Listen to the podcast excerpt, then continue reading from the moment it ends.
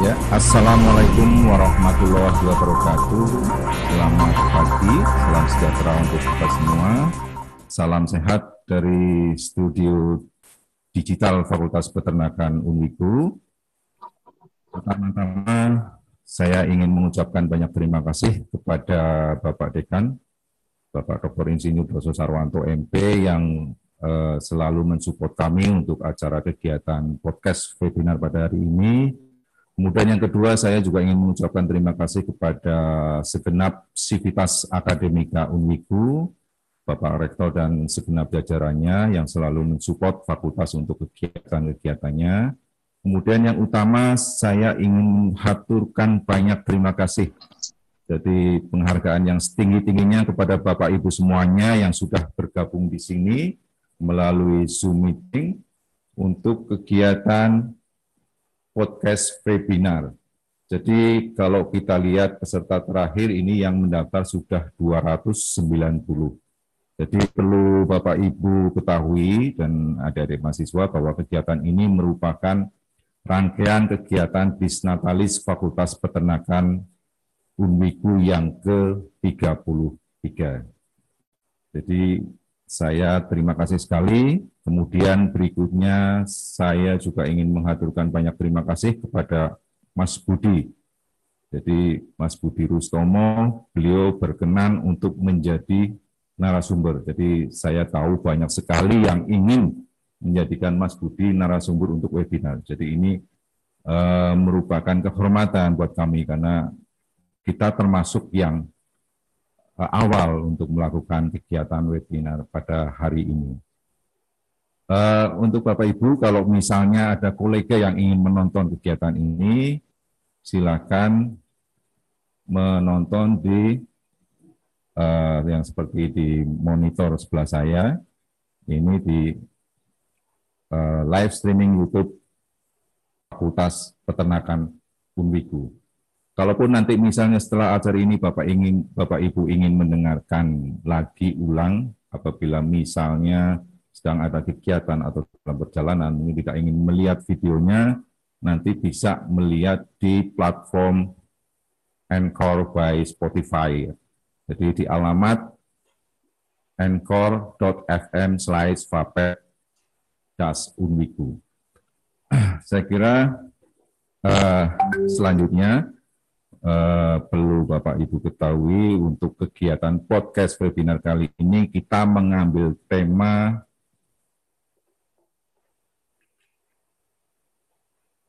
Zero Waste Integrated Seed Organic Farming. Jadi merupakan uh, sistem pertanian terpadu organik dengan nil limbah yang nanti akan dipresentasikan. Jadi untuk kegiatan podcast webinar ini kita memang hanya menampilkan beliau Bapak Insinyur Budi Rustomo M. SG PSG. Pada saat ini beliau itu selaku Direktur Eksekutif dari BITEK. BITEK adalah Bio Farming Teaching and Education Center Dayupak di Sragen. Jadi perlu Bapak Ibu ketahui, teman-teman mahasiswa semuanya bahwa beliau ini saat ini seorang praktisi. Tapi sebenarnya yang kita tahu bersama eh, gennya Mas Budi ini basicnya adalah seorang ilmuwan. Jadi kalau Bapak Ibu penasaran silakan Anda buka Google Scholar, Anda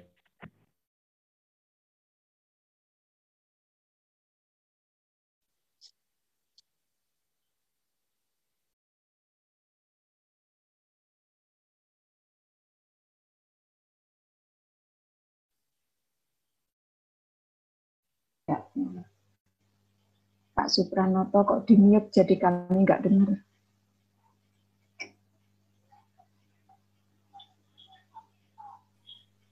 Oh iya, mohon maaf. Ini tadi ke unmute. Jadi saya lanjutkan langsung saja ini untuk kegiatan podcast webinar ini terus ini merupakan kalau podcastnya boleh dikatakan itu panggungnya kami, tapi untuk podcast webinar 100% ini adalah panggungnya Mas Budi. Jadi langsung saya langsung saja saya perkenalkan Mas Budi. Selamat siang Mas Budi. Selamat siang Mas Pranoto. Assalamualaikum warahmatullahi wabarakatuh. Waalaikumsalam warahmatullahi wabarakatuh. Langsung saja kepada Mas Budi. Ini waktu saya berikan untuk presentasi. Waktunya itu silakan ambil sekitar 30-45 menit Nanti setelah itu kita adakan diskusi. Jadi nanti kita lihat diskusi yang dari chat, kemudian nanti ada kesempatan mungkin tanya jawab secara langsung. Saya kira begitu saja untuk aturan podcast webinar pada pagi hari ini. Kami persilahkan kepada Mas Budi untuk menampilkan presentasinya. Silakan Mas Budi.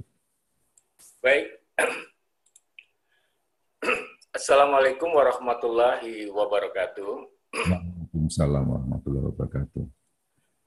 Um, saya senang sekali dapat kehormatan untuk berbagi cerita. Saya mau berbagi cerita dan berbagi pengalaman saja apa yang sudah saya lihat dan saya lakukan ketika saya membuat sebuah farm di Sragen, tepatnya di Dayupa. Saya mengucapkan terima kasih dulu kepada Pak Dekan, Pak Dr. Doso, yang sudah mengundang saya untuk berbicara di sini. Dan kepada semua sivitas akademika Fakultas Peternakan Universitas Wijaya Kusuma Dirgahayu, um, ulang tahun yang ke-53 ya. Semoga Fakultas Peternakan Universitas Wijaya Kusuma akan semakin maju dan sukses ke depannya. Amin. Baik Bapak dan Ibu sekalian, kepada teman-teman yang di seluruh Indonesia, saya tidak bisa menyapa satu persatu. Selamat pagi, salam sejahtera bagi kita semuanya. Perkenalkan nama saya Budi Rustomo, panggilan saya Budi. um, beberapa tahun ini saya melakukan aktivitas di kandang. Dulunya saya melakukan aktivitas di kampus. Saya meneliti, menulis, tapi saya kepengen praktek langsung, memegang ternak langsung, berkarya langsung di kandang, sehingga saya bisa bertemu dengan para pemain-pemain peternakan di daerah-daerah, terutama di pedesaan, sehingga saya bisa berdiskusi, bercerita, dan bertukar pengalaman langsung. Sebetulnya saya masih uh, sangat minim pengalaman saya. Baru lima tahun terakhir saya bermain di domba. Baik, saya perkenalkan dulu apa itu BITEK. Uh,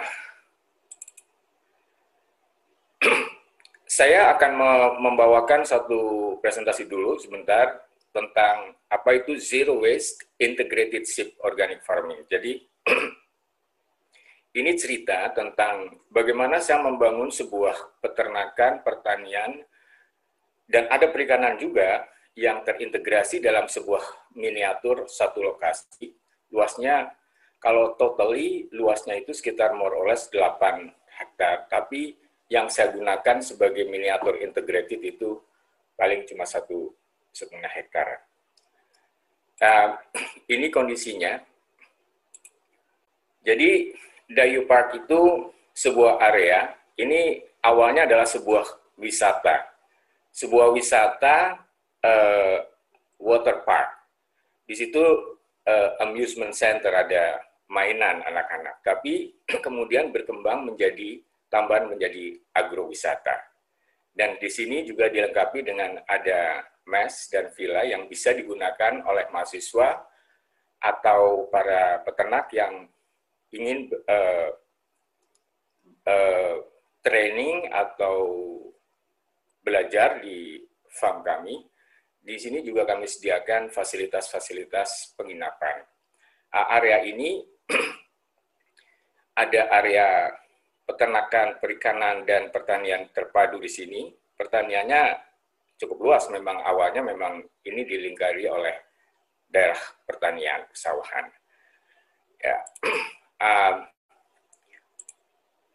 dan ini farm farm ini saya adalah menggunakan farm yang uh, breeding di uh, Dayu Park, breeding uh, domba gitu. Nanti saya jelaskan mengapa saya memilih breeding. Ini sedikit tentang Dayu Park, khususnya di breeding farm.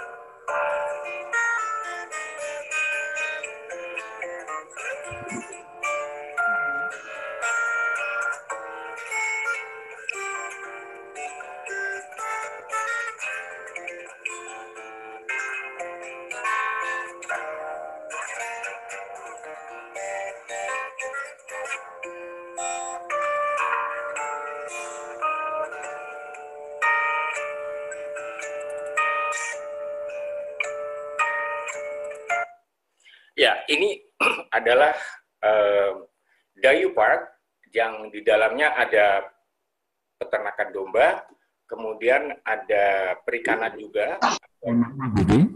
Ya. Kalau ada video, tolong mungkin tidak bisa diputar karena tidak tampil di live. Jadi mungkin kompresinya terlalu besar. Jadi okay. langsung okay. materi saja nggak usah. Kalau ada okay. video, maaf tidak usah diputar. Baik. Ya, monggo. Ya, ini ini adalah uh, map dari Dayupa. Baik. Ini pada coretan begini ya. Uh, kami memanfaatkan memanfaatkan uh, mikroba dalam proses produksi. Jadi pertanian peternakan organik terpadu limbah dengan memanfaatkan uh, mikroba. Jadi kami menggunakan istilah biofarming.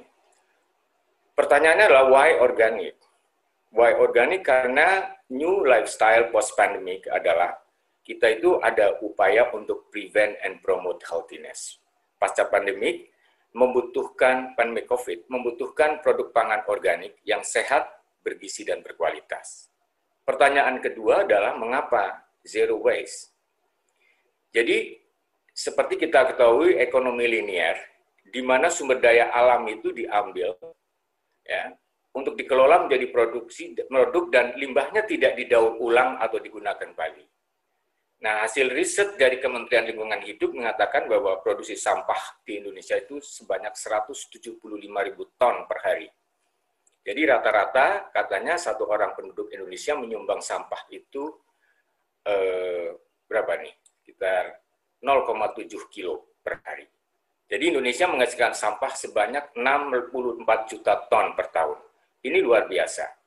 Yang kedua, pada saat kita eh, menghadapi masalah lingkungan, terutama global warming, ada satu isu yang sangat menarik adalah sumbangan dari gas metan yang mempunyai potensi lebih besar ketimbang gas karbon dioksida. Gas metan memiliki nilai global warming potensial 21 kali lipat. Artinya setiap molekul metan mampu memanaskan 21 kali lipat uh, dari molekul karbon dioksida. Nah, Peternakan ruminansia, sapi, domba, kambing, dan lain-lainnya, merupakan penghasil gas metan yang tidak bisa dikatakan sedikit, apalagi dengan proses limbah organik yang masih berujung pada pengolahan landfill. Nah, industri peternakan, terutama peternak di desa dengan jumlah dan titik yang tersebar dan tidak terkontrol, itu memungkinkan untuk memberikan sumbangan tentang produksi gas metan yang sangat tinggi. Nah, pengetahuan dan cara yang masih tradisional dalam mengelola peternakan, serta limbahnya membuat dampak menjadi lebih besar. Sehingga perlu sebuah pegangan yang perlu pendekatan, perlu sedikit, edukasi dan pengaturan apalagi dengan proses peternakan yang baik, dibantu dengan teknologi-teknologi dan inovasi. Baik, jadi zero waste itu adalah filosofi yang dijadikan sebagai gaya hidup. Demi mendorong siklus hidup sumber daya sehingga produk-produk bisa digunakan kembali. Zero waste, ada 5R, reduce, reduce, reuse, recycle, dan rot atau pembusukan. Menolak, mengurangi, menggunakan kembali, mendaur ulang, dan membusukkan. Nah, 5R ini menjadi pegangan untuk mengarah kepada gaya hidup tanpa limbah, sehingga dapat menciptakan lebih sedikit limbah dan menggunakan sumber daya alam secara bijaksana. Pertanyaan berikutnya, mengapa domba? Jadi populasi domba dalam lima tahun terakhir mengalami peningkatan, ya, kecuali tahun 2016. Populasi domba itu mencapai 17 juta lebih, hampir 18 juta ekor, dan meningkat, terus meningkat dibandingkan dengan tahun-tahun sebelumnya. Populasi kambing paling tinggi sebanyak 19 juta ekor. Jadi kambing dan domba ini sekarang sudah hampir sama. Ya. Dan provinsi dengan populasi domba terbanyak itu ada di Jawa Barat, Jawa Tengah, dan Jawa Timur. Itu ada tiga provinsi. Yang kedua ada opportunity. Waktu itu eh, pemerintah Indonesia sudah mengadakan ekspor domba eh, ke Malaysia. Nah, problemnya market ada, opportunity ada, problemnya tapi sangat sulit uh, mensustain atau menjaga keberlanjutan karena supply untuk diekspor itu sangat limbah organik yang masih karena pada apa? Karena terjadi krisis nah, industri peternakan. Nah, terutama peternak di Kemudian desa opportunity berikutnya adalah sebar angka kelahiran manusia itu memungkinkan saya untuk data dari Asuka.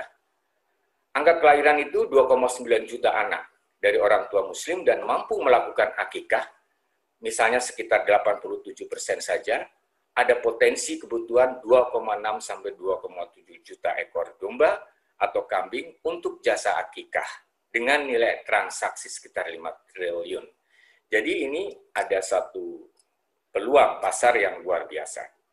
Nah, sementara pas pangsa pasar dan omset dari anggota Aspakin, Asosiasi Akikah Indonesia, baru mencapai 860 miliar, yang menunjukkan bahwa masih banyak sekali potensi atau peluang yang bisa digarap. Ya, harga domba juga semakin tahun semakin naik. Dulu itu betina cuma 32, sekarang sudah sampai 50 ribu. Jantan bertanduk dulu 38 sampai 40 ribu, sekarang sudah mencapai 65 bahkan sampai 75 ribu.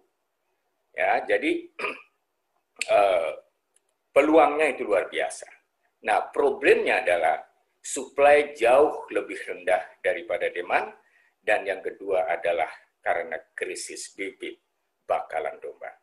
Saya punya kawan di Jawa Timur yang sudah beberapa kali kirim domba ke Malaysia, baru berapa dua kali berhenti karena memang tidak mudah mendapatkan bakalan. Jadi peternak harus berkembang secara industrialisasi sehingga lebih efisien dan berdaya saing. Jadi problem lagi bahwa kita itu peternakan kita itu sangat high cost, biaya tinggi. Jadi kita tidak bisa berkompetisi. Peternak kecil harus bersatu sehingga populasi menjadi banyak dan ekonomis dengan mengembangkan korporasi. Ya, ini adalah farm kami.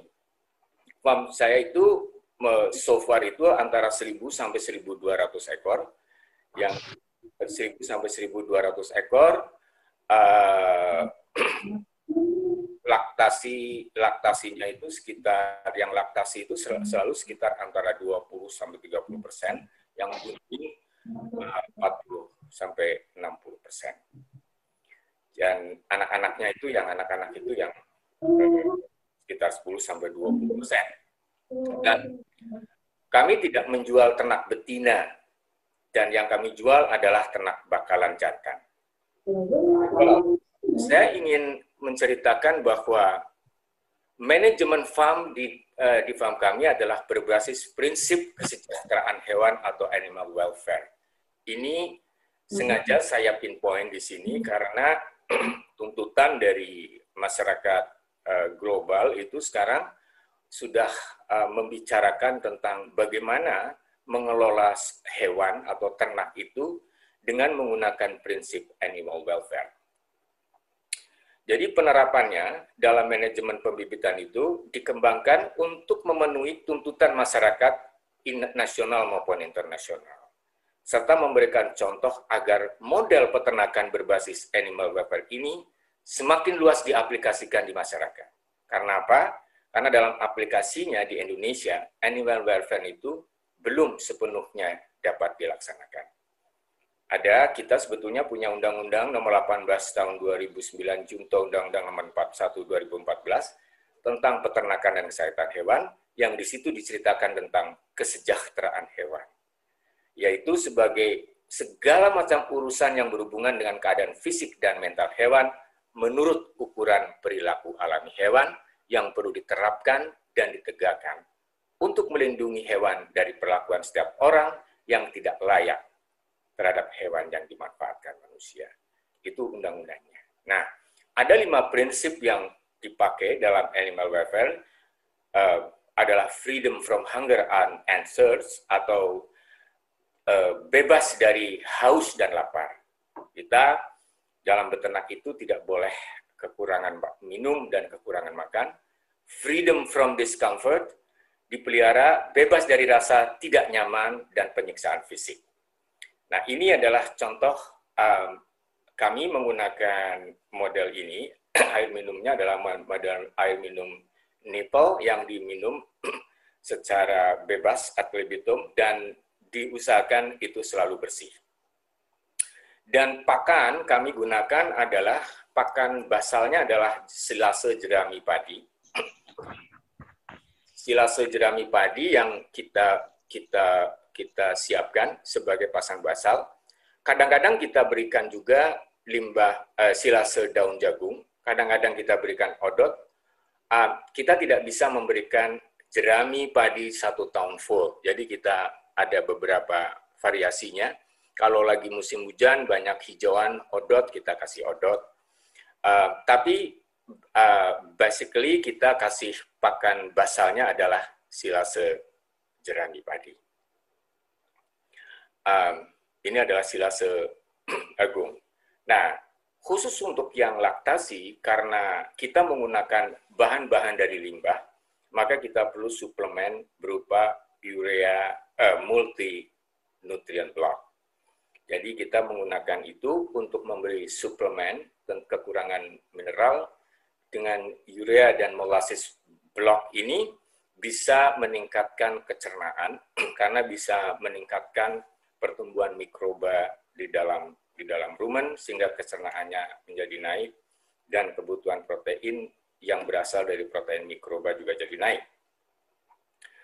Uh, kandang kita buat senyaman mungkin dibagi menjadi beberapa uh, bagian sesuai dengan uh, fisiologisnya. Ada kandang maternity khusus untuk melahirkan, ada kandang kawin, ada kandang bunting. Bunting itu juga ada kita bagi bunting awal, bunting pertengahan dan bunting akhir yang kami kami beda-bedakan menjelang kelahiran mendekati kandang maternity.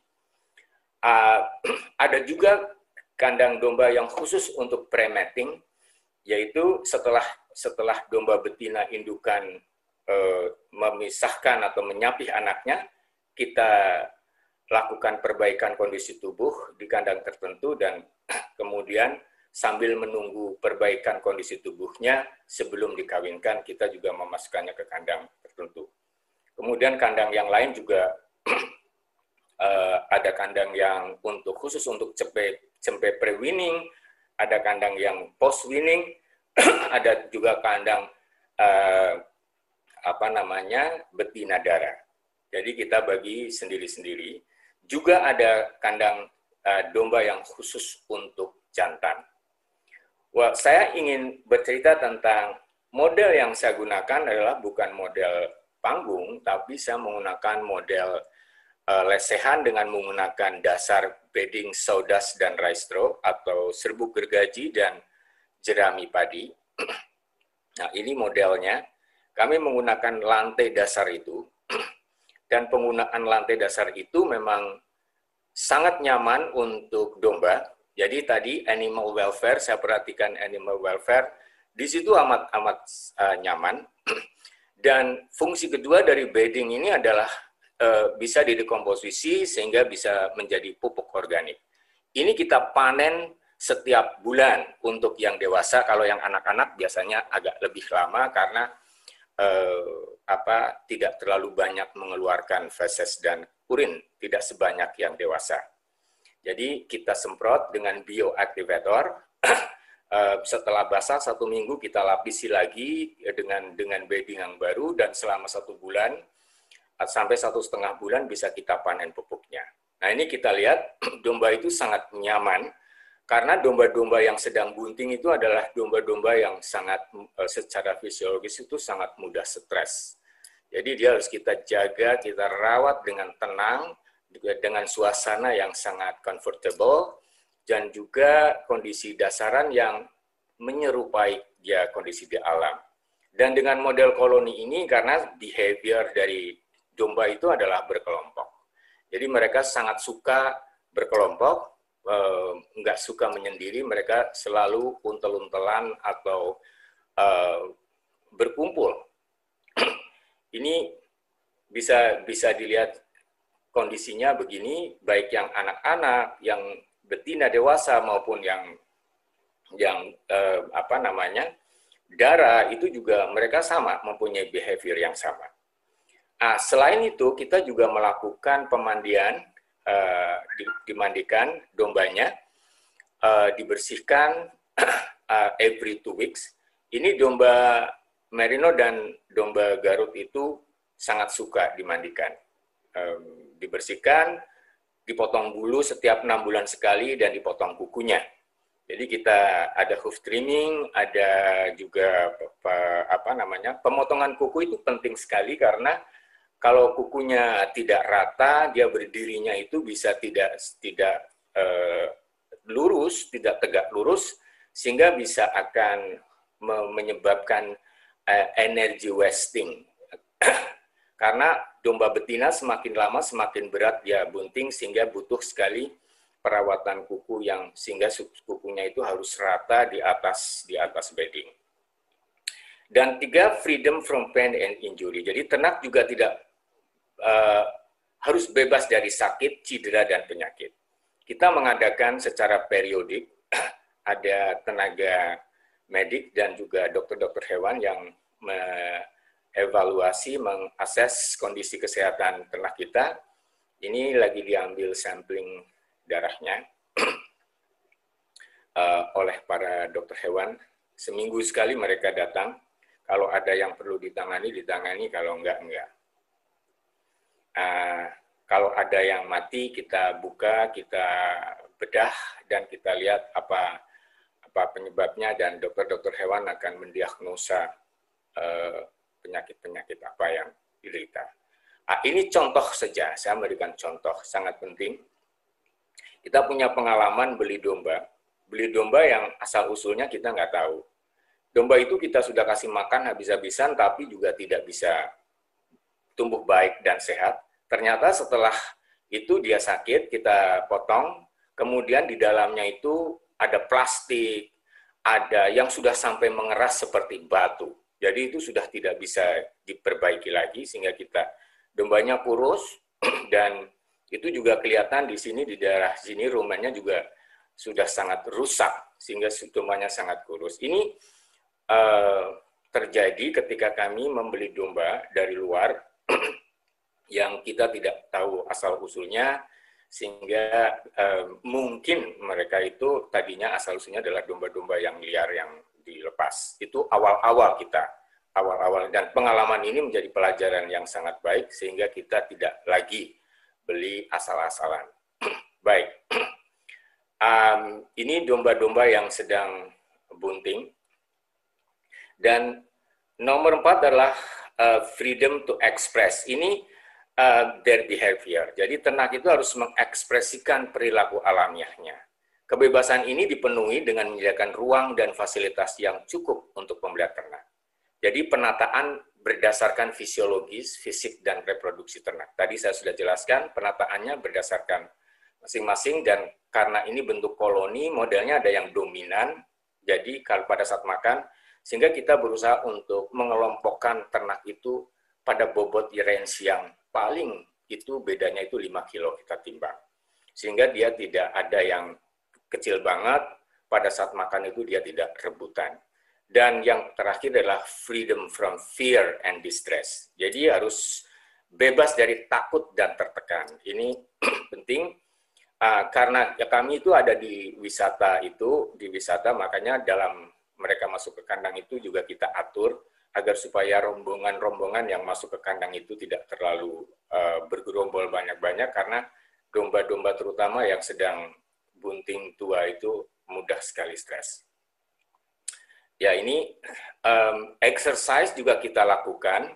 Kita lakukan setelah dimandikan, kita lepas. Tadi dimandikan, dicukur bulu, kita lepas agar supaya dia itu menikmati alam bebas. Kemudian kita masukkan lagi. Jadi uh, semi intensif kita lakukan semi intensif agar supaya dia itu me, me, menemui kebebasannya berekspresi.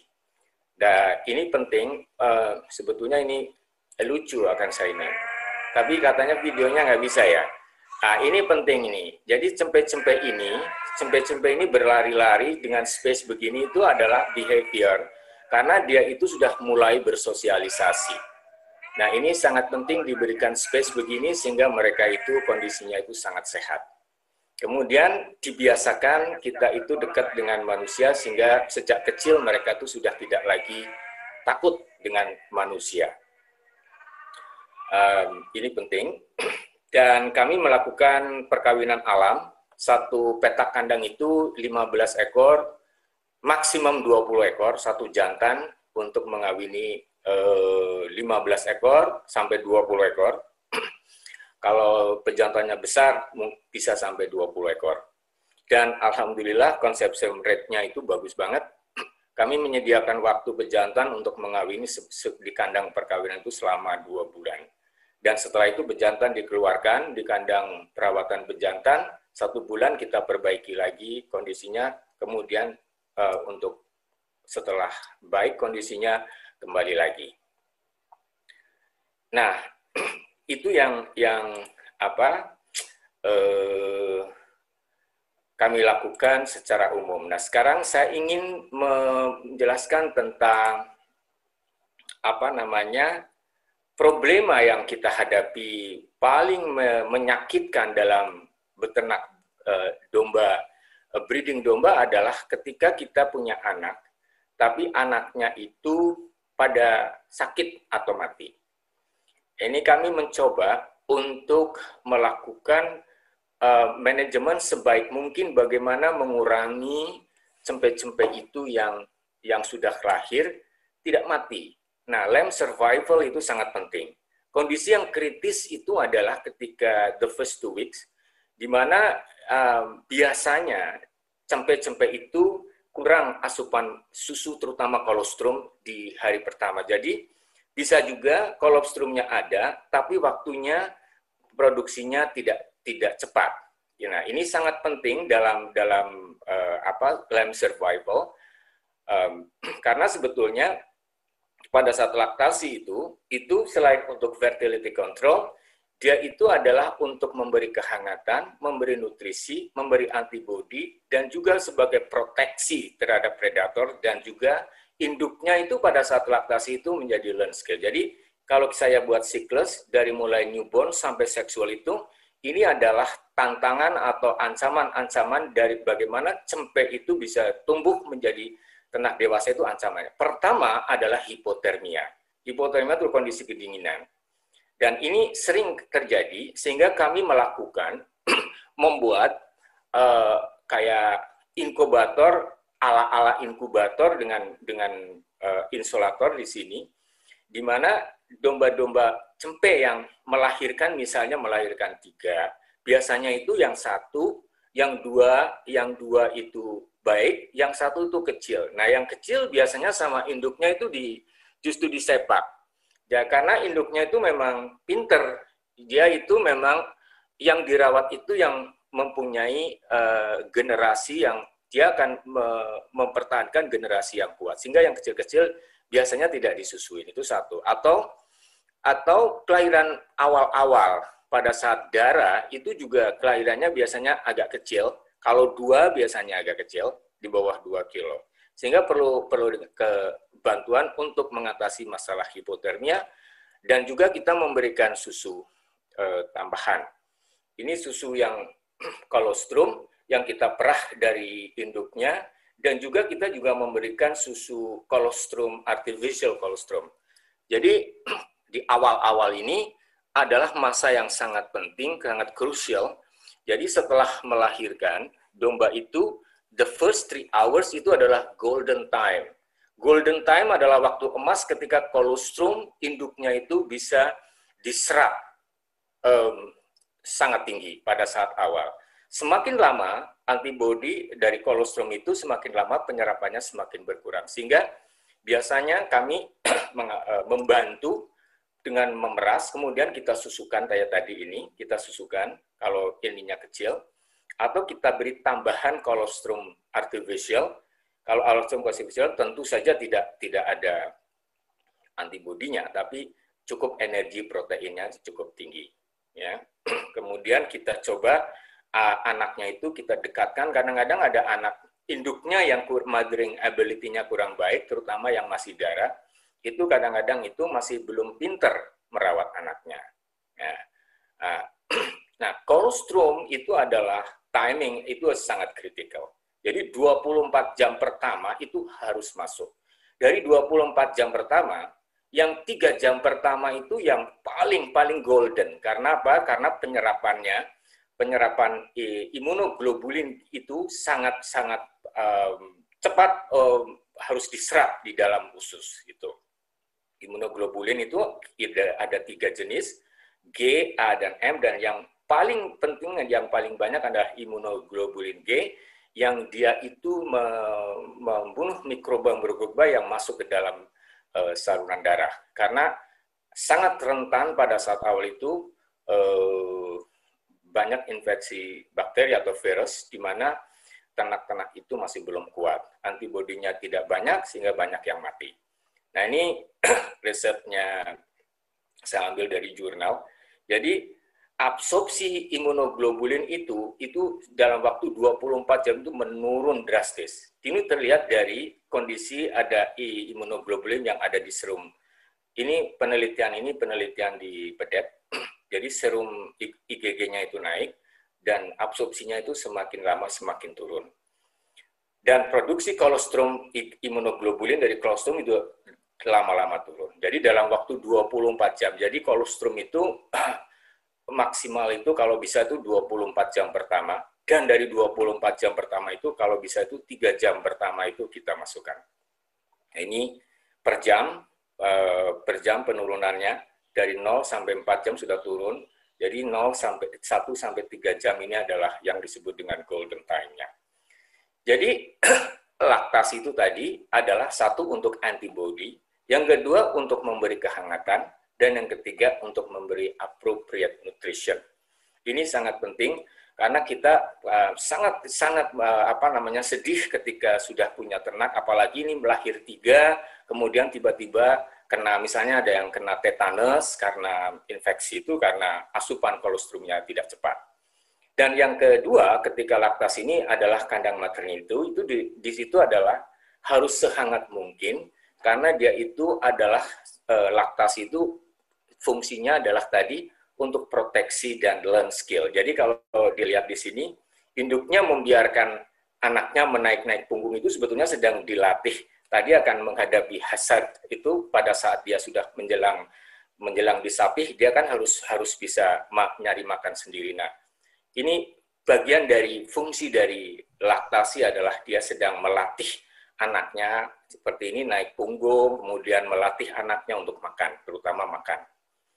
Nah, saya ingin bercerita tentang kunci sukses kedua setelah setelah itu adalah ini yang yang pre-winning yang ini uh, menurut saya itu sangat juga kunci. Setelah critical time tadi, kolostrum sudah selesai dua minggu sudah selesai, dilanjutkan dengan waktu ini ada ada saat periode di mana cempe itu diberi creep feeding.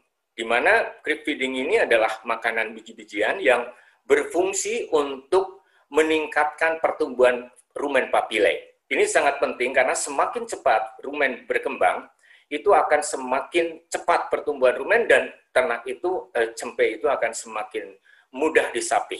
Jadi dia sudah kalau sudah pintar makan, rumennya sudah berfungsi dengan baik. Pada saat dipisah, satu hari paling dia baru menangis. Uh, kemudian hari berikutnya sudah selesai, sudah tidak uh, itu pun sebagian aja sebagiannya karena uh, kebanyakan ini sudah rumennya sudah berfungsi. Nah ini ada hasil riset yang bagaimana rumen papile yang diberi susu grain dan high dan yang hanya diberi susu. Ini rumen papilenya kalau di sini itu rambutnya sangat tebal. Ini adalah rumen papile ini adalah tempat untuk menyerap atau mengabsorpsi sari-sari makanan, uh, sorry hasil hasil uh, pencernaan di dalam rumen itu diserap melalui ini, melalui rumen papillary. Jadi semakin cepat pertumbuhannya semakin baik, maka ternak cempe itu akan semakin survive karena dia sudah susu induknya sudah mulai turun dan anaknya itu harus segera mungkin dia itu bisa mampu mencari makan sendiri. Dan itu harus dipengaruhi oleh pertumbuhan rumen. Ini contoh lagi selama 12 minggu dan seterusnya lah. Ini ada ada yang ini yang hanya susu saja yang hanya diberi susu, yang ini hanya diberi susu dan hai. Nah ini kelihatan sekali antara yang diberi susu saja dengan yang diberi, diberi susu dan hai itu itu. Tapi yang terbaik adalah yang susu dan grain itu hasil risetnya dan yang milk only itu hanya sedikit. Nah ini kalau seperti ini kondisinya dalam waktu 12 minggu atau tiga bulan itu masih dia itu masih belum pinter makan, belum pinter makan rumput. Ini yang kami lakukan. Jadi kami beri susu juga dan juga sudah mulai dengan kami beri uh, biji-bijian, uh, jagung terutama karena jagung hasil riset itu menunjukkan bahwa jagung dengan creep feeding dengan menggunakan jagung yang di crush itu jangan terlalu lembut karena kalau terlalu lembut seperti tepung nanti dia tersedot jadi agak sedikit kasar dan dia yang akan memacu pertumbuhan rumen karena uh, itu akan menghasilkan butirat yang memacu rumen papilai. Jadi itu, dan sekarang kita bercerita tentang yang betina dewasa. Betina dewasa itu kita bagi menjadi ada dry atau uh, uh, post winning setelah dia me, apa namanya memisahkan anaknya, kemudian pregnant, ada early, ada mid and late, dan ada lactating use, dan terakhir adalah run. Jadi ini pregnancy ini ini pregnancy pada pada sapi, tapi trennya sama. Jadi uh, pada saat sebelum joining itu uh, body condition score itu harus dalam kondisi uh, optimumnya itu tiga, bisa sampai tiga setengah. Ini sangat penting kondisinya karena pada saat itu itu ada penurunan penurunan asupan atau diameter intake pada pada saat dia kepentingan dan kemudian dia harus naik lagi. Nah ini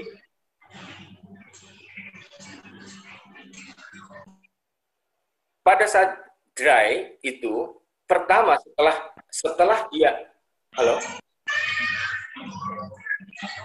setelah setelah domba itu apa namanya memisahkan anaknya hari pertama itu di stop konsentrat dulu stop konsentrat dulu, dia hanya makan hijauan karena supaya produksi susu benar-benar habis.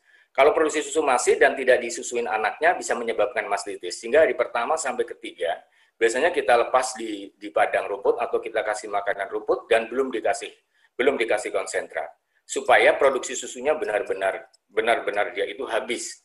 Ya, ya pernah kita misah tapi masih diberi konsentrat dan ada yang kena mastitis karena memang ada beberapa yang produksi susunya itu memang masih ada tidak habis total sehingga bisa menyebabkan mastitis. Jadi kita berikan, kita pisah, kita suruh dia eh, apa namanya eh, mencari rumput sendiri, makan sendiri sesuai dengan kebutuhannya, dan kemudian masuk lagi mulai minggu pertama sudah kita kasih konsentrat lagi, kondisinya kita perbaiki lagi. Nah, ini adalah contoh yang masih kurus-kurus, kemudian kita perbaiki.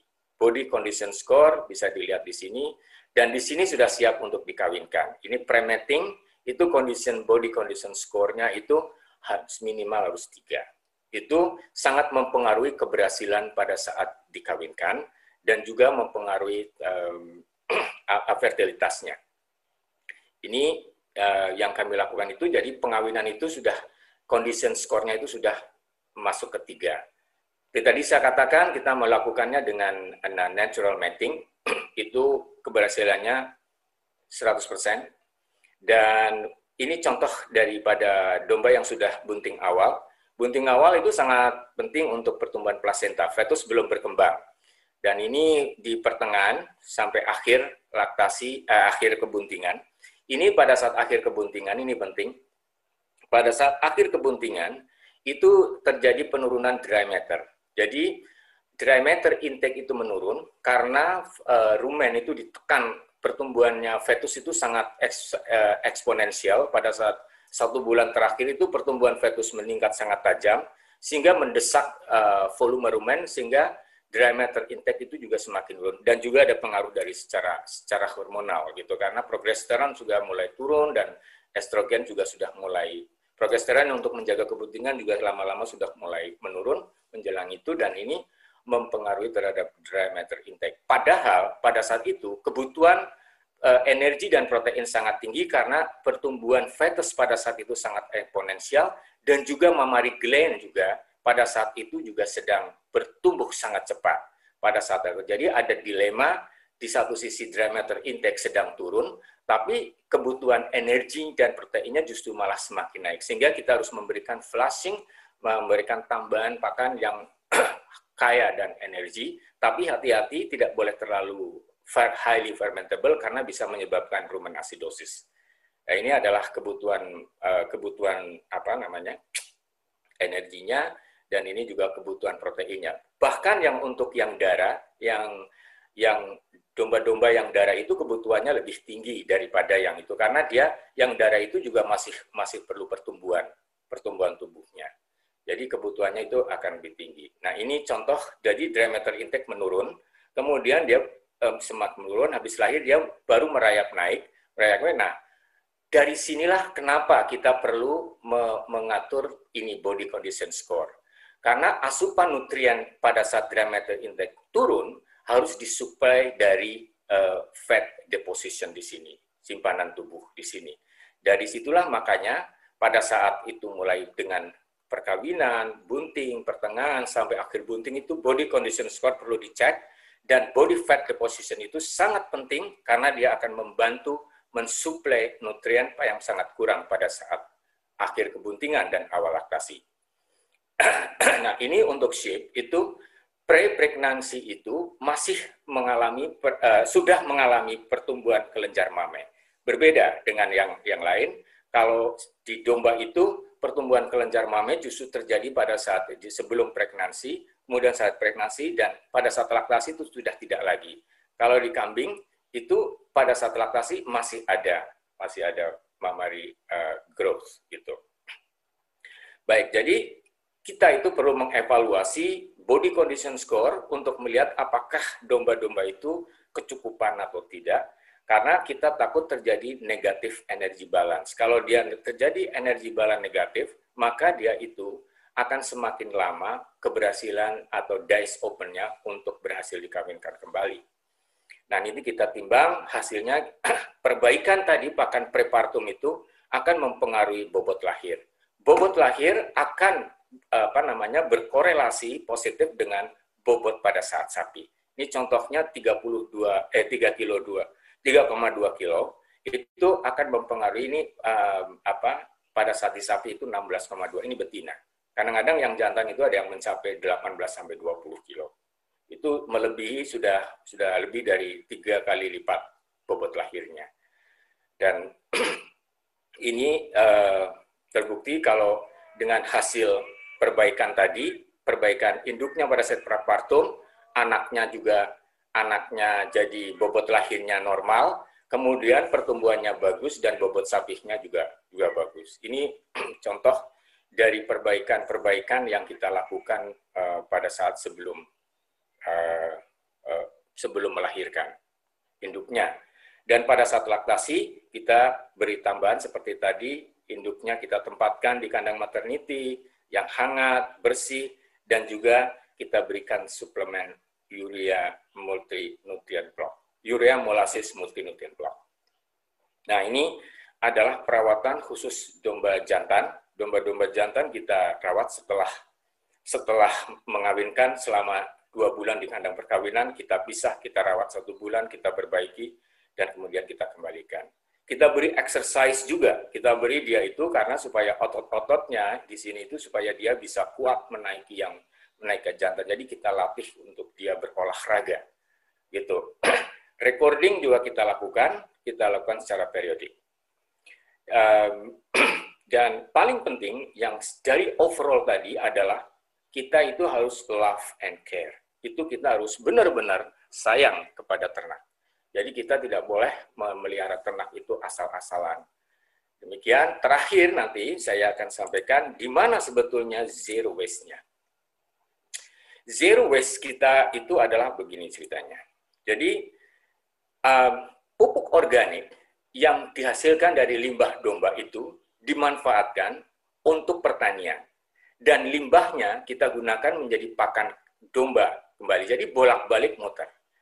Nah ini adalah uh, kondisi bedding domba yang sudah siap panen. Kemudian kita giling, kita keringkan sebentar, kita semprot, kemudian dengan bioaktivator kita giling, dan kemudian kita kemas. Sebetulnya ini ada video tentang bagaimana membuat eh, apa namanya, eh, tapi mungkin karena ini resolusinya mungkin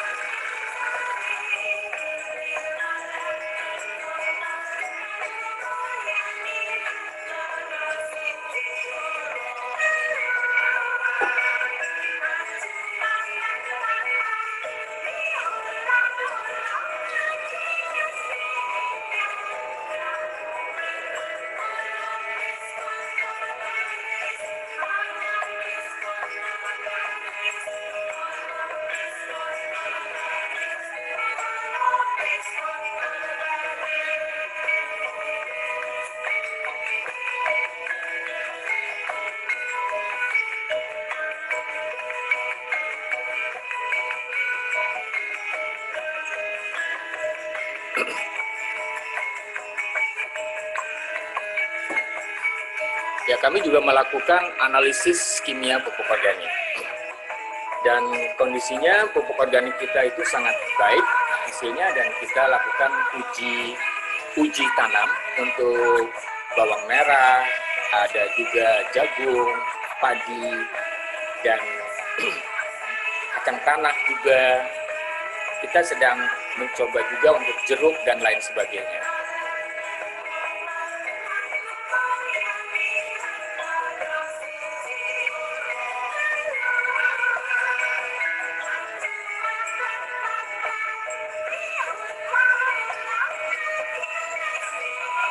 Kita juga untuk media penanaman azola.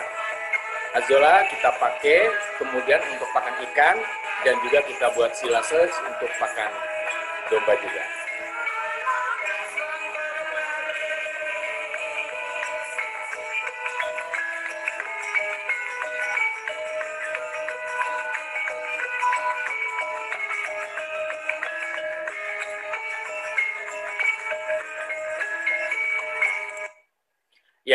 Itu contoh uh, berbagai macam tanaman. Kita sedang mencoba pupuk organik ini kita cobakan ke padi. Alhamdulillah hasilnya sangat baik. itu tapi belum sampai konklusi ini, tapi hasilnya alhamdulillah baik. Ini bisa dilihat. Ini ini tempat kandang kami. Kemudian ini ada sawah-sawah yang tadi dilihat di map. Itu ada pupuk padi yang kita pakai pupuk organik dan ada yang tidak pakai. Dan ini hasilnya sangat sangat signifikan. Ini contohnya Eh, kemudian jeraminya pun juga sangat baik. Dan jeraminya kembali lagi ke kita, kemudian kita buat silase, kita kasih uh, apa namanya, kita kasih pakan untuk apa namanya, badan ini sangat sangat apa namanya uh, menyenangkan karena kita memanfaatkan uh, limbah dari uh, pertanian yang kita punya. Pupuknya dari kita, kemudian kita tanam padi, padinya kembali lagi berproduksi, dan limbah jeraminya kita masukkan lagi ke kandang. Begitulah muter, um, sehingga kita uh, melakukan apa yang disebut dengan zero waste farming.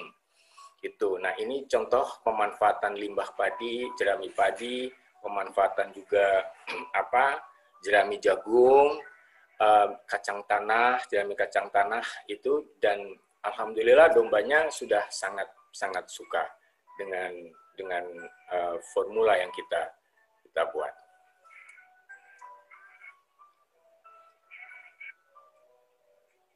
Ya, kita lihat dry matter intake-nya meningkat. Dan ini uji tanam jagung dengan pupuk organik juga kita buat. Kita buat silase silase apa namanya uh, jagung juga. Di kita buat silase jagung, uh, kita buat uh, untuk pakan ternak juga. Masih ada waktu 5 menit lagi ya, Mas Pranoto ya?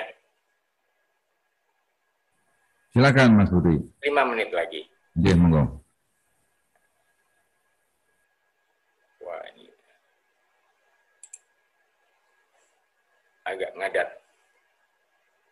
Ya, jadi itu contoh-contoh yang yang ada dan cerita tentang pupuk organik tadi, pupuk organik itu hasilnya tadi hasil ujinya itu sangat sangat sangat baik, ya. Sangat sangat baik hasil uji laboratoriumnya. Dan setelah kita analisa sebaik kita perhitungkan itu juga menurut kami juga sangat menguntungkan.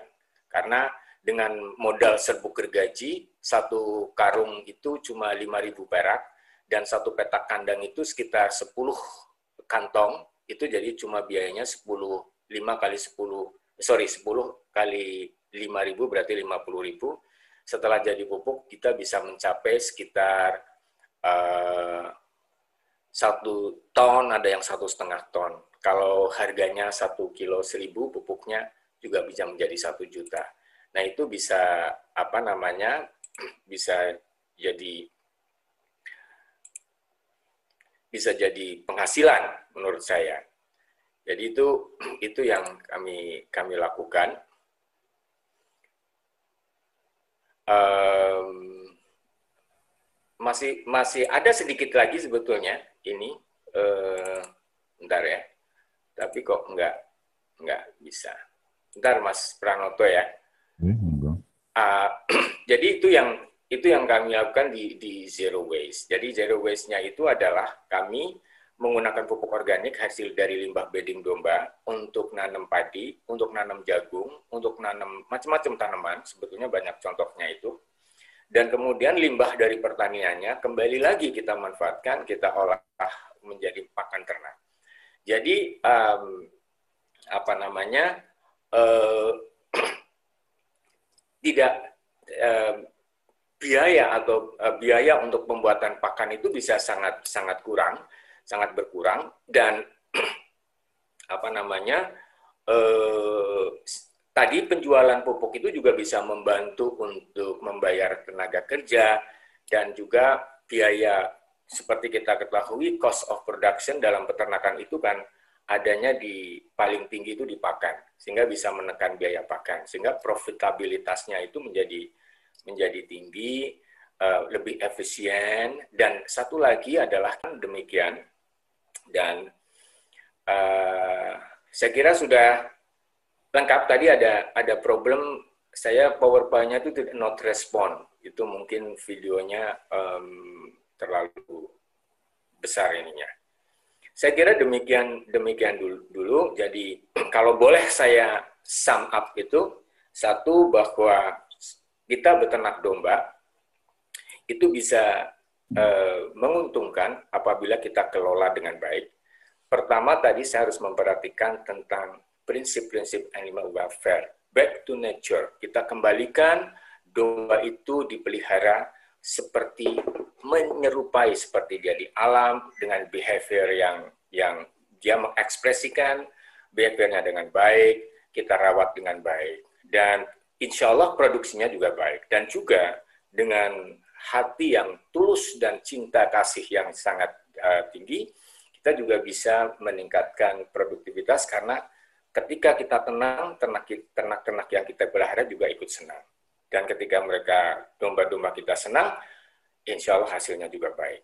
Dan terakhir, saya ingin berpesan, uh, mari kita sama-sama melakukan aplikasi ini, Zero Waste Integrated Farming, sehingga bisa satu meningkatkan pendapatan peternak di pedesaan. Ya, bayangkan kalau kita punya domba, kita punya sawah, kita punya macam-macam jagung, satu hektar itu bisa menghasilkan uang yang cukup banyak.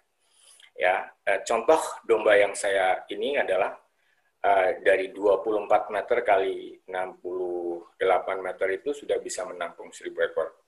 Dan limbahnya itu sudah bertonton dan sudah banyak eh, pelanggan-pelanggan yang sudah repeat order sudah mau beli lagi. Uh, konsentratnya kita bikin sendiri, bahkan uh, uh, seratnya kita juga bikin sendiri, dari limbah bahannya juga dari kita sendiri. Insya Allah industri kita bisa akan bisa kebantu untuk maju. Dan tadi opportunity-opportunity tawaran tadi itu bisa kita penuhi, tawaran-tawaran peluang-peluang ekspor itu bisa bisa kita penuhi dan karena kita bisa menghasilkan domba yang baik, sehat, berkualitas dan juga breeding itu bisa berkelanjutan. Saya kira demikian dulu apa yang bisa saya sampaikan. Kita lanjutkan uh, dengan tanya jawab. Terima kasih. Ya, terima kasih Mas Budi untuk presentasinya. Jadi sangat-sangat menarik, sangat jelas, sangat sistematis ini rasanya seperti lagi kuliah S3 nih Mas Budi. Jadi teorinya ada, prakteknya kita lihat gambar-gambarnya sangat, saya lihat semuanya sangat ideal Mas Budi. Jadi ini juga ah, apa ya sedikit menimbulkan pertanyaan buat saya juga. Jadi apakah kalau misalnya konsep seperti ini untuk skala kecil itu uh, saya lihatnya karena di di Dayu Park ini pada teknologi padat modal, dan kebetulan memang idealnya seperti itu. Kalau untuk skala kecil kira-kira gimana? Misalnya ada mahasiswa ingin usaha karena 10 ekor memulai dengan menerapkan zero waste ini. Gimana kira-kira Mas Budi? Saya kira sama aja. Saya kira semua itu ini juga saya baru modeling. Sebetulnya ini saya modeling. Memang target saya itu kan nanti sampai puluhan ribu gitu. Cuma ini juga dalam bentuk modeling dan modeling yang kemudian kita scaling up. Saya kira itu sama saja, principally, principally sama. Animal welfare mau kecil mau besar sama. Terus tadi prosesnya itu saya kira mau kecil mau besar sama. Saya kira nggak ada nggak ada masalah uh, kalau mahasiswa atau fresh graduate pengen nyoba-nyoba gitu yang penting harus try dulu mulai dari sekecil apa pun saya dulu nyoba dari mulai 200 naik jadi 300 400 lama-lama 1000 dan insya Allah saya mau scale up dengan yang kondisi seperti ini uh, mudah-mudahan saya scale up sampai ke 10.000 dengan model itu. Saya kira demikian. Oh iya. Tadi saya lihat ada chat yang nulis Dayu Pak ini di mana di Sragen. Coba nanti Bapak Ibu silakan lihat di Google Map Dayu Pak Sragen Jawa Tengah ya Mas Budi ya. Di Jawa Tengah, Jawa Tengah. Jadi nanti kalau kalau ada yang ke Sragen keluar pintu tol lewat tol ya, paling mudah lewat tol. Keluar pintu tol paling cuma 10 menit, itu nanti ada banyak papan itu, papan nama Dayupak. Itu bisa di ada panah-panahnya masuk di situ. Keluar pintu tol tidak jauh. Gitu. Monggo yang mau di Sragen, daerah Sragen. Enggak bukan desa banget. Tapi memang sekitarnya memang sawah, tapi bukan bukan itu. Masih masih dekat dengan perkotaan. Ya, saya kira ini tadi presentasi Mas Budi sangat-sangat menarik dan saya, saya kira juga nanti dari Bapak Ibu ini sangat banyak yang ingin bertanya.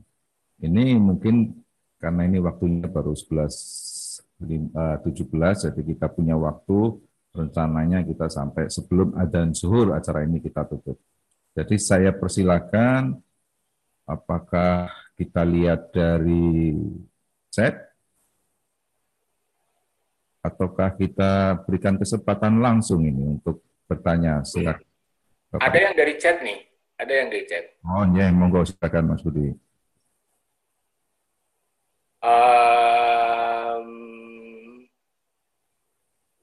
uh, bentar. Tanya tentang apa ya nah, tadi? Uh, oh, apakah di kambing bisa? Bisa saya sebelum saya nyoba di domba, saya nyoba di kambing. Saya nyoba di kambing pada saat saya punya kegiatan ada dengan LIPI, saya mencoba dengan kambing perah di daerah Gumelar. Itu juga bisa menggunakan silase. Ada berbagai macam, ada dari daun ketela pohon, ada dari itu prinsipally sama.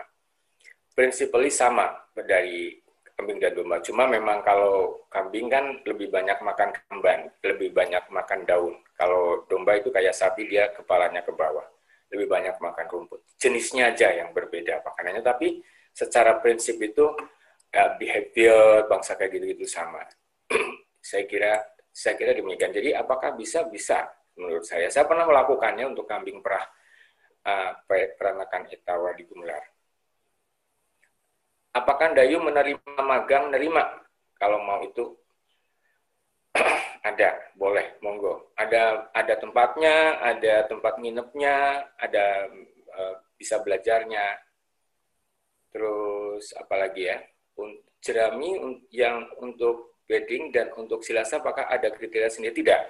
Jadi kita kalau kalau kita ada jerami, ada sebagian kita keringkan, kita tampung, kita keringkan untuk bedding dan sebagian langsung kita pakai untuk silase. Jadi nggak nggak ada. Nah kalau jeraminya yang untuk bedding itu ada yang tidak terdekomposisi, kemudian kita ambil, kita keruk, kita kita keruk, karena kan yang semakin atas semakin atas kan waktu waktu dekomposisinya kan semakin pendek. Jadi biasanya di bagian-bagian atas itu jeraminya kita ambil, kita bakar, kita bakar, kita masukkan ke itu. Jadi sama saja kita masukkan ke pupuk organik. Jadi nggak nggak ada nggak ada perbedaannya. Itu dan jerami itu um, yang saya pakai itu adalah jerami dikasih molasis dan juga dikasih urea. Urea itu fungsinya ada dua, amoniasi. Ya, jadi menghasilkan amonia yang kemudian dipakai amonianya oleh mikroba untuk sumber N.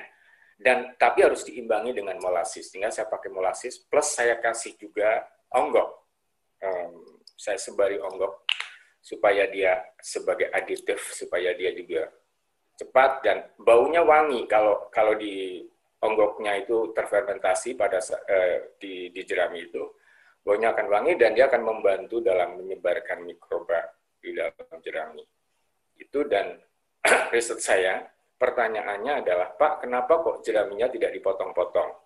Ini banyak yang tanya ke saya. Uh, ada yang berpendapat bahwa itu jeraminya supaya naik pencernaannya dia potong-potong. Saya enggak. Kalau riset saya justru karena saya memelihara domba betina. Domba betina itu harus saya jaga supaya uh, dia itu tinggal di dalam kandang itu selama mungkin. Terutama kita sayang banget kalau ada domba-domba yang bagus kemudian harus dikaling karena sakit. Sakit yang problem itu uh, rumen acidosis. Rumen acidosis yang problem adalah subacute rumen acidosis. Dari luar tidak tampak, tapi diameter intake semakin lama semakin. Itu karena rumen papilenya itu semakin rusak yang disebabkan oleh apa? Karena makan asam yang terlalu tinggi. Nah, jerami yang saya buat panjang-panjang itu adalah supaya dia itu supaya uh, dikunyah ya dan selama mengunyahnya itu uh, uh, diruminasi itu kemudian dia akan menghasilkan saliva Nah, saliva, saliva yang diproduksi itu akan membuffer rumen sehingga mikroba, selulolitik mikroba atau yang mencerna, mencerna serat serat apa namanya eh, kasar selulolitik mikroba itu dia bisa tumbuh karena pH yang optimal itu harus pH normal 6 ke atas dan selulolitik mikrob itu sangat sangat sensitif terhadap rumen pH. Jadi kalau kita ngasih makan itu Kenapa jeraminya tidak saya potong-potong? Supaya dia itu memang ada pengunyahan. Dan pengunyahan itu menghasilkan saliva, dan salivanya itu akan membawa rumen, sehingga kondisi rumen itu selalu stabil. Dan itu saya berikan ad libitum. Habis saya kasih. Tapi kalau konsentrat saya jaga, karena yang kita pelihara itu bukan pengemukan. Yang kita pelihara adalah betina. Kita harus benar-benar menjaga agar supaya rumen itu terjaga dalam waktu dan berfungsi dengan baik dalam waktu yang lama tinggal di dalam kandang. Itu kenapa saya saya buat seperti itu. Jadi ada riset saya tuh kalau di jurnal itu ada particle size juga mempengaruhi, fermentability juga mempengaruhi gitu. Jadi karena konsentratnya sudah cukup fermentable, itu maka jeraminya itu saya saya tidak saya potong-potong dan um, dan itu it works ketika kita Idul Adha kita potong domba-domba kita itu alhamdulillah tidak ada satupun yang kena rumen asidosis, rumen papilanya tidak ada yang rusak dan satu lagi keuntungannya adalah tidak ada investasi cacing uh, fasciola hepatika ketika kita menggunakan itu. Um, apalagi nih? Mungkin tambahan mikroba untuk pembuatan silasenya, Mas. Oh, uh, mikroba, mikroba uh, saya pakai B4 juga bisa, pakai M4. Tapi kalau yang bedding, kita butuh jagi tambahan itu yang uh, apa namanya nitrobacter agar supaya dia cepat memanfaatkan uh, amonia di dalam bedding. Ada nitrobacternya. Dan itu nitrobacter itu ada apa namanya uh, aerob. Jadi dia tuh malah butuh oksigen. Ah, ah, pakai E4. Yang atasnya mungkin apakah ada perlakuan khusus kalau kita mengharapkan liter size anak lebih dari satu, Mas Budi?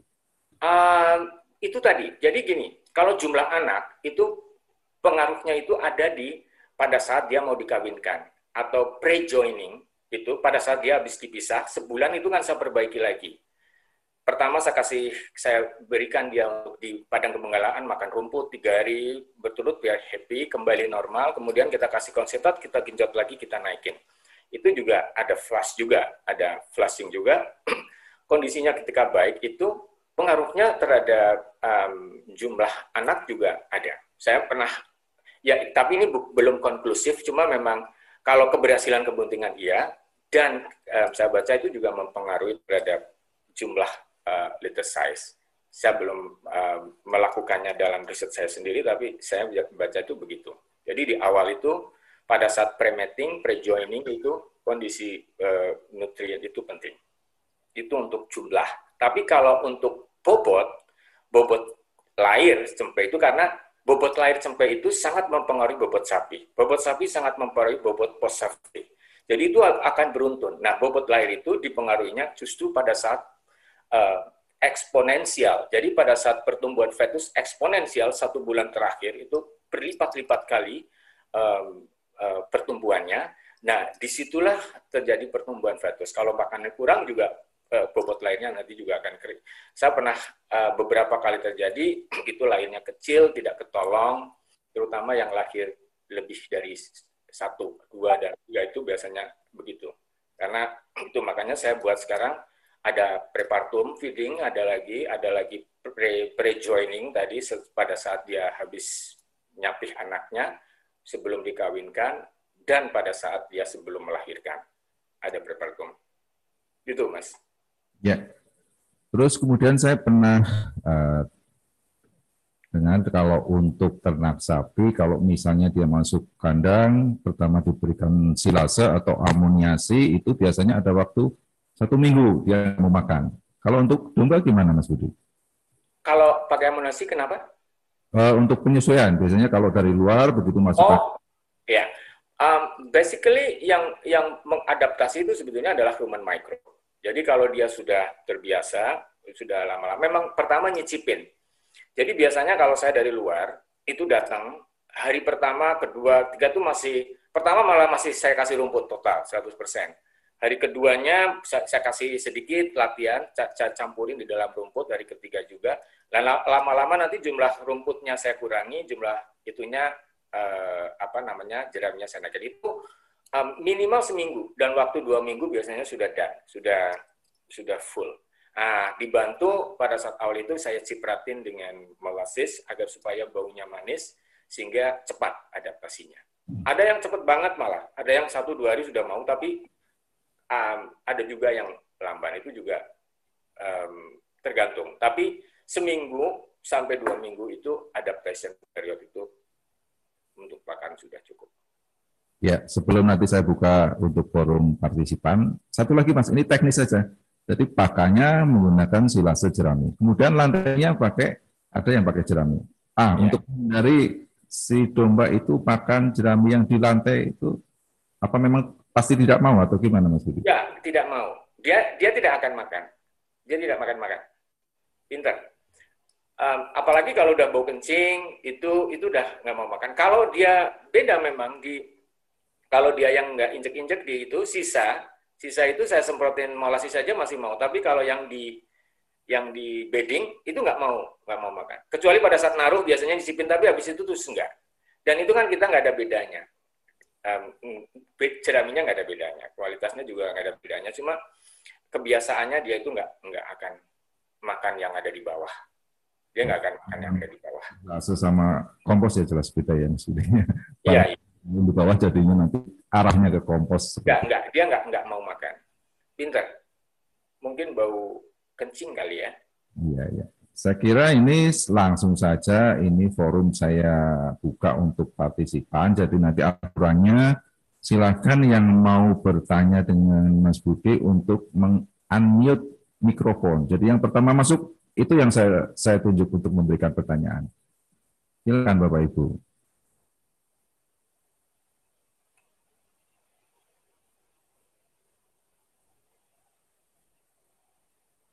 Monggo yang mau bertanya langsung dengan narasumber Mas Budi, silakan.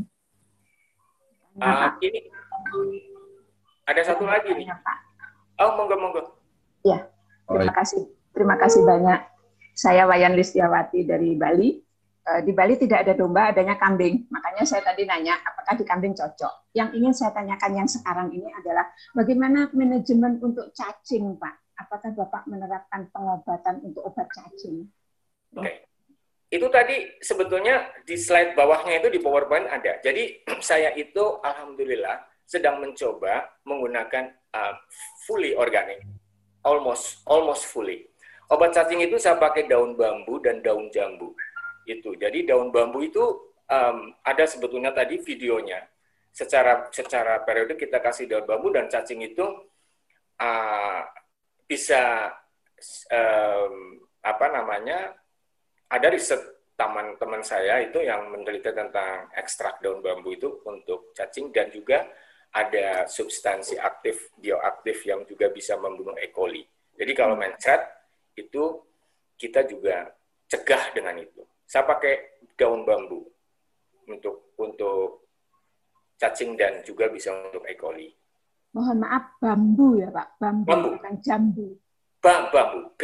Bambu, ya. Iya, tadi sebetulnya ada contoh itu juga mau saya sampaikan. Ada mau itu ada ada contoh. Jadi saya menggunakan memang obat-obatan saya minim, minimumkan sekali karena saya lebih banyak melakukan pencegahan dan saya lebih banyak menggunakan herbal medicine. Seperti saya menggunakan contohnya saya juga selain daun bambu, saya juga menggunakan apa namanya? daun jati Sila sedang jadi. Sudah, Bu. Sudah. Terima kasih banyak, Pak. Iya, sama-sama Ibu dari Bali. Iya, terima kasih. Ini ada satu pertanyaan tertulis nih yang uh, apa? Yang dijilat uh, digantung dan dijilat domba fungsinya apa untuk pertumbuhan tulang? Apa boleh dikunyah dan berapa kali aturannya? Jadi gini, itu namanya urea molasses multinutrient block intinya sebetulnya urea and molasses. Urea dan molasses tadi adalah fungsinya tadi, urea tadi dirubah oleh itu jadi uh, jadi amonia, amonianya sebagai sumber energi, tapi juga harus ada sumber energi yang mudah terfermentasi. Jadi itu nanti dia ketika dijilat, ketika dijilat dia itu dia itu bisa meningkatkan uh, pertumbuhan mikroba sehingga bisa meningkatkan kecernaan serat gitu dan juga di situ ada mineralnya. Mineral itu ada kalsiumnya, ada kemudian zat pengisinya juga ada. Saya pakai ada ada pakai onggok, ada pakai itu di sebagai bahan pengisi. Pengisi. Jadi tadi dijilat. ya kalau ke, ke, makan, tapi itu kan keras. Sebetulnya itu kan keras. Bisanya cuma dijilat dijilat aja. Dan itu penjilatannya pun, kalau dia sudah kebutuhannya sudah cukup, dia akan berhenti. Jadi saya gantung, saya gantung-gantung itu. Kalau kalau dia sudah cukup, kebutuhannya sudah cukup, dia akan berhenti sendiri. Kalau secara teori perhitungannya itu adalah 3 gram per kilogram bobot badan. Hitungannya 3 gram itu tadi per kilogram. Jadi dia itu memang dijilat karena keras, sebetulnya keras. Seperti makan permen. Permen ada manisnya, ada itunya. Ada mineralnya, ada molasisnya, ada ureanya. Gitu. Itu tadi. Iya, silakan Bapak Ibu yang lain yang mungkin ingin bertanya dengan Mas Budi langsung. Silakan di nonaktifnya aktifkan untuk mikrofonnya.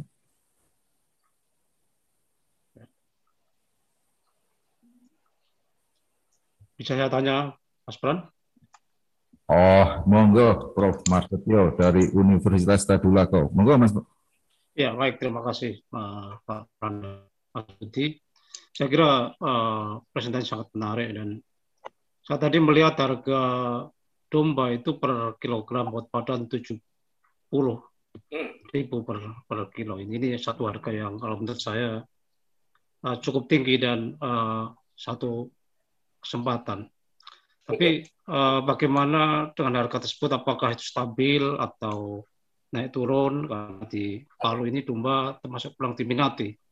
Nah, ini cari satu uh, ke mana pasarnya kalau harga 10 tadi. Saya kira itu aja Mas Terima kasih uh, Mas Mas Jo. Jadi saya juga heran sejak dari dulu tahun sebelum tahun lalu itu setelah Idul Adha biasanya itu dia harganya turun. Tapi malah trennya malah saya tidak tahu. Malah saya kok trennya kok nggak malah turun, malah semakin naik gitu loh. Saya juga heran saya itu alhamdulillah itu yang beli domba ke kandang saya itu sampai waiting list, sampai rebutan karena sebet, uh, ya dengan harga yang sama mungkin dia lebih bersih-bersih, lebih berkualitas, mungkin jadi agak sedikit rebutan. Nah, harganya itu memang segitu. Saya nggak tahu biasanya biasanya kan itu ada fluktuasi kemudian tuh, tapi ini trennya kok sampai hari ini pun masih sama, masih masih segitu-gitu juga. Yang bertanduk 75.000, yang tidak bertanduk 65 sampai 70, cuma segitu aja range-nya.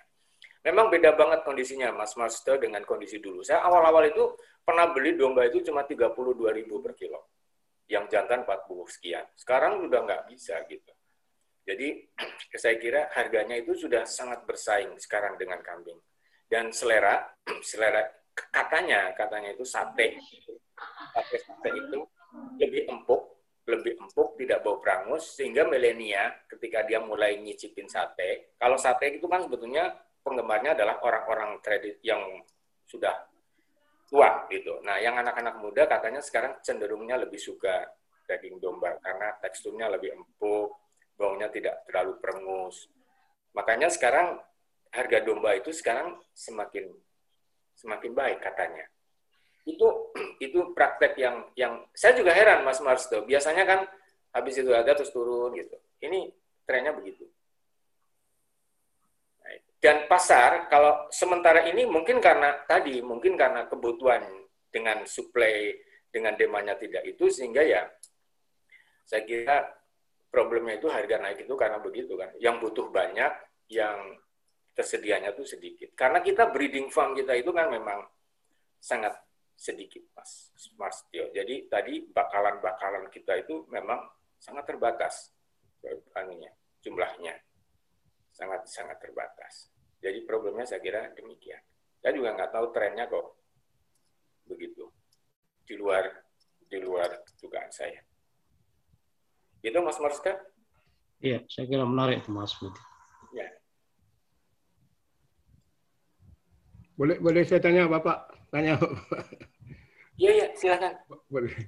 Uh, ni Pak Budi, saya tanya yang breeding farm Bapak tu, Ya. uh, Bapak buat synchronization ke ataupun ikut natural uh, Uh, saya saya net, natural. natural ya. Yes, natural. Jadi saya memang um, saya punya punya ideologi semua itu by nature aja. Jadi nggak nggak saya rubah-rubah itu semuanya itu all natural. Jadi makanya saya tidak menggunakan maximum production, tapi saya menggunakannya adalah optimum production. Hmm. Saya tidak ingin merubah-rubah um, by nature. Cuma saya tadi perbaikinya hanya saya uh, pemberian pakan, kemudian bagaimana supaya uh, kondisinya itu dia secara animal welfare itu bisa kita penuhi gitu. Tapi rubah-rubah hormon begitu-gitu saya tidak lakukan, tidak lakukan sinkronisasi dan lain sebagainya. Saya mencoba. Lagi satu perkara Bapak uh, buat cross breeding atau tidak ataupun maintain uh, pakai yang sama bangsa yang sama. Um, saya saya ada breednya itu ada Dorper berjantannya, ada Dorper, ada Garut, domba Garut itu yang ini nih, contohnya ini domba Garut. Ada lagi saya domba ekor gemuk, ibas, Ekor uh, ya domba um, e- ege, ekor gemuk. Kemudian juga saya ada pakai merino, ada merino merino, ada. merino dan texel. Jadi semua saya cross. Kalau misalnya betinanya merino, saya cross dengan jantannya Garut. Karena Garut jantan itu menghasilkan anak jantannya itu pasti menghasilkan tanduk. Dan marketnya kalau yang tanduk itu kalau di sini kan fanatik kalau bertanduk itu harganya pasti mahal, lebih mahal gitu. Ada juga yang texel. Saya lagi nyoba dorper, tapi belum menghasilkan keturunan. Kalau sistem ini yang Bapak ada nih um, cocok gak untuk Garut? Kerana Garutnya agak agresif katanya tak? Ya, uh, Garut itu memang memang paling agresif. Asal gini, dalam dalam petak kandang jantan Garut itu jangan disandingkan dengan dijajarin sama jantan Garut. Jadi misalnya jantan Garut sebelahnya jantan Merino itu nggak nggak nakal. Tapi kalau jantan Garut sebelahnya jantan Garut pasti berantem, pasti itu sudah pasti rusak kandangnya. Gitu. Jadi petak-petak kandang kawinnya itu kalau bisa diatur. Kalau ini ada jantan Garut di petak ini, petak berikutnya jangan, jangan sebelahan persis. Itu pasti akan merusak kandang, pasti. Jadi saya saya buat itu, Prof. Last question. Yang Yes. gulnya gimana Pak? Bapak panen gulnya untuk nih? Apa? Gul, gul, uh, bulunya. Oh, saya sementara ini saya potong 6 bulan sekali, 6 bulan sekali. Kalau gibas kan nggak keluar. Yang keluar kan cuma merino sama itu. Dan uh, so far saya belum belum jadi bull, belum jadi bull. Ya, saya lagi baru saya bersihkan, saya cleaning, saya rinse, saya cleaning, kemudian saya putihkan untuk buat kayak kilo, kilo aja. Belum jumlahnya kan belum sampai yang banyak banget. Ya, Oke, makasih Pak Budi, makasih. sama-sama, Bro. Saya bertanya Pak Pranoto. Halo, Oh, Mbak. Mas Budi. Ya. Ya, ini ketemu teman lama lah. Ah, Ini, eh, misalnya kan tadi dikatakan bahwa di sana bisa menerima magang. Misalnya saya membawa mahasiswa itu eh, istilahnya korespondennya ke siapa, Oke, alamatnya, terus barangkali ada share-share nomor telepon atau WA. oke Mbak Tari. Iya. Nanti nanti terkasih sama Mas Pranoto eh, nomor WA-nya, eh, eh, kontak person yang itu. Ya, Boleh magang, Iya. boleh kerja praktek, boleh ya. Oke. bawa mahasiswa. Kalau COVID sudah lewat, nanti jalan-jalan ke sana, insya Allah. Sama Mbak Tari ya. Ya, Mbak Tari yang nganter. mudah-mudahan. Hopefully. Kan Oke. ketemu lagi. Boleh, em, boleh Mbak, monggo. Oke, oke. Matur nuwun. Oke. Nggih. Ada lagi nih perbandingan penggunaan konselor dengan jerami padi Mas Galih Putra Dewa. Ah, perbandingan penggunaan konsentrat dengan jerami padi pada masa sebelum kelahiran anak dan naik nilai protein serta esterat kanker. Ah, saya perbandingannya kalau di tempat saya itu adalah 30-70. Cuma kalau biasanya kalau pada saat habis itu saya turunin seratnya karena memang kapasitasnya memang terdesak oleh rumennya terdesak oleh apa namanya eh, janin oleh fetus jadi energinya saya naikin Em, konsentratnya saya naikin jadi 40-60 itu cuma satu bulan terakhir aja tapi juga bertahap. Jadi nggak langsung abrupt tapi juga bertahap seminggu naik lagi naik lagi naik lagi. Karena supaya terjadi kenaikannya itu tidak tidak langsung tidak langsung. Jadi seminggu saya naikin seminggu saya naikin gitu. Itu dari Mas Galih Putra Dewa. Proteinnya kalau kalau itu proteinnya sama. Kalau protein itu eh, 14 persen tapi kalau yang creep feeding tadi yang untuk cempe itu 20 sampai 21 persen saya pakainya untuk yang pertumbuhan cempe yang masih eh, untuk pertumbuhan rumen itu proteinnya saya tinggikan begitu Ya, saya kira tadi banyak yang menanyakan materinya Mas Budi. Kebetulan tadi Mas Budi belum sempat mengirim ke kita. Nanti setelah selesai, kalau kita sudah dapat, nanti kita kirim lewat email. Bisa diambil di uh, drive kami, termasuk mungkin sertifikat apa ini sudah di ada linknya. Tapi nanti kita kirim melalui email Bapak Ibu semuanya. Ada lagi Mas Budi? Em, ah, silakan kalau kalau mau masih ada yang Ya, saya kira masih ada waktu sekitar lima menit. sudah dan ya monggo Oh, ya diserahkan sudah ada nih Mas Budi.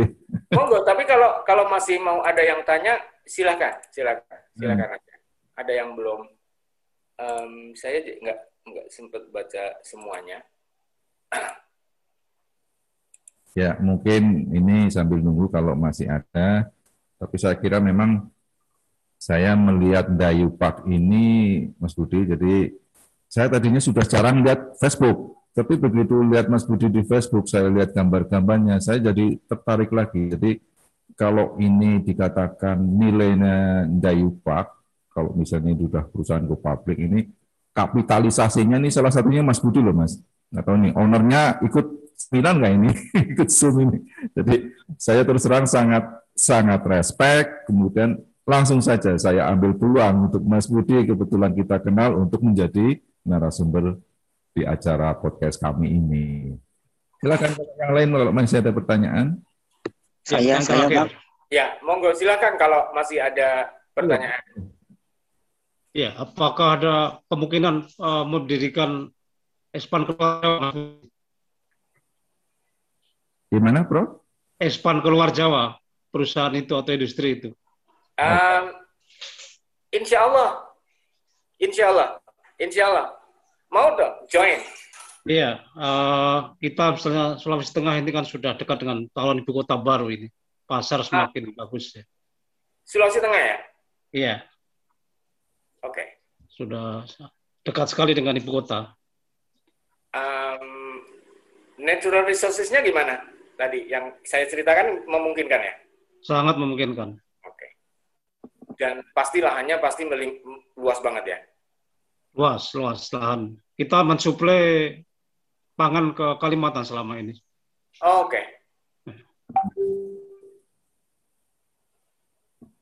Ya, saya kira mungkin karena ini sesuai dengan jadwal, waktunya kita sudah jam 12 kurang 14 menit. Saya kira untuk kegiatan podcast webinar pada hari ini kita cukupkan. Terima kasih banyak Mas Budi. Thanks a lot untuk waktunya dan kesempatannya. My pleasure, my pleasure. Kemudian juga untuk seluruh partisipan Bapak Ibu dari dari Lako, dari Samratulangi, Lampung, Bengkulu, ada saya ada UGM, ada Unipro, kemudian juga untuk teman-teman Kavapet Unsur, ini kolega kita, kemudian mungkin dari jurnalis, saya lihat ada yang dari pos, dari kita, jadi kemudian juga dari teman-teman mahasiswa, aliansi jurnalis mahasiswa juga ada yang gabung. Jadi saya kira kita cukupkan untuk podcast webinar. Jadi nanti kita ketemu lagi untuk sesi-sesi podcast berikutnya. Jadi ini um, rencananya ini, ini akan kegiatan ini akan terus berlanjut. Jadi saya kira itu. Terima kasih sekali lagi untuk semuanya. Saya ingin menyampaikan siapa pun kita, di mana pun kita, berbuatlah untuk Nusa, untuk bangsa, bakti untuk negeri. Terima kasih. Sampai jumpa lagi. Wassalamualaikum warahmatullahi wabarakatuh. Waalaikumsalam warahmatullahi wabarakatuh.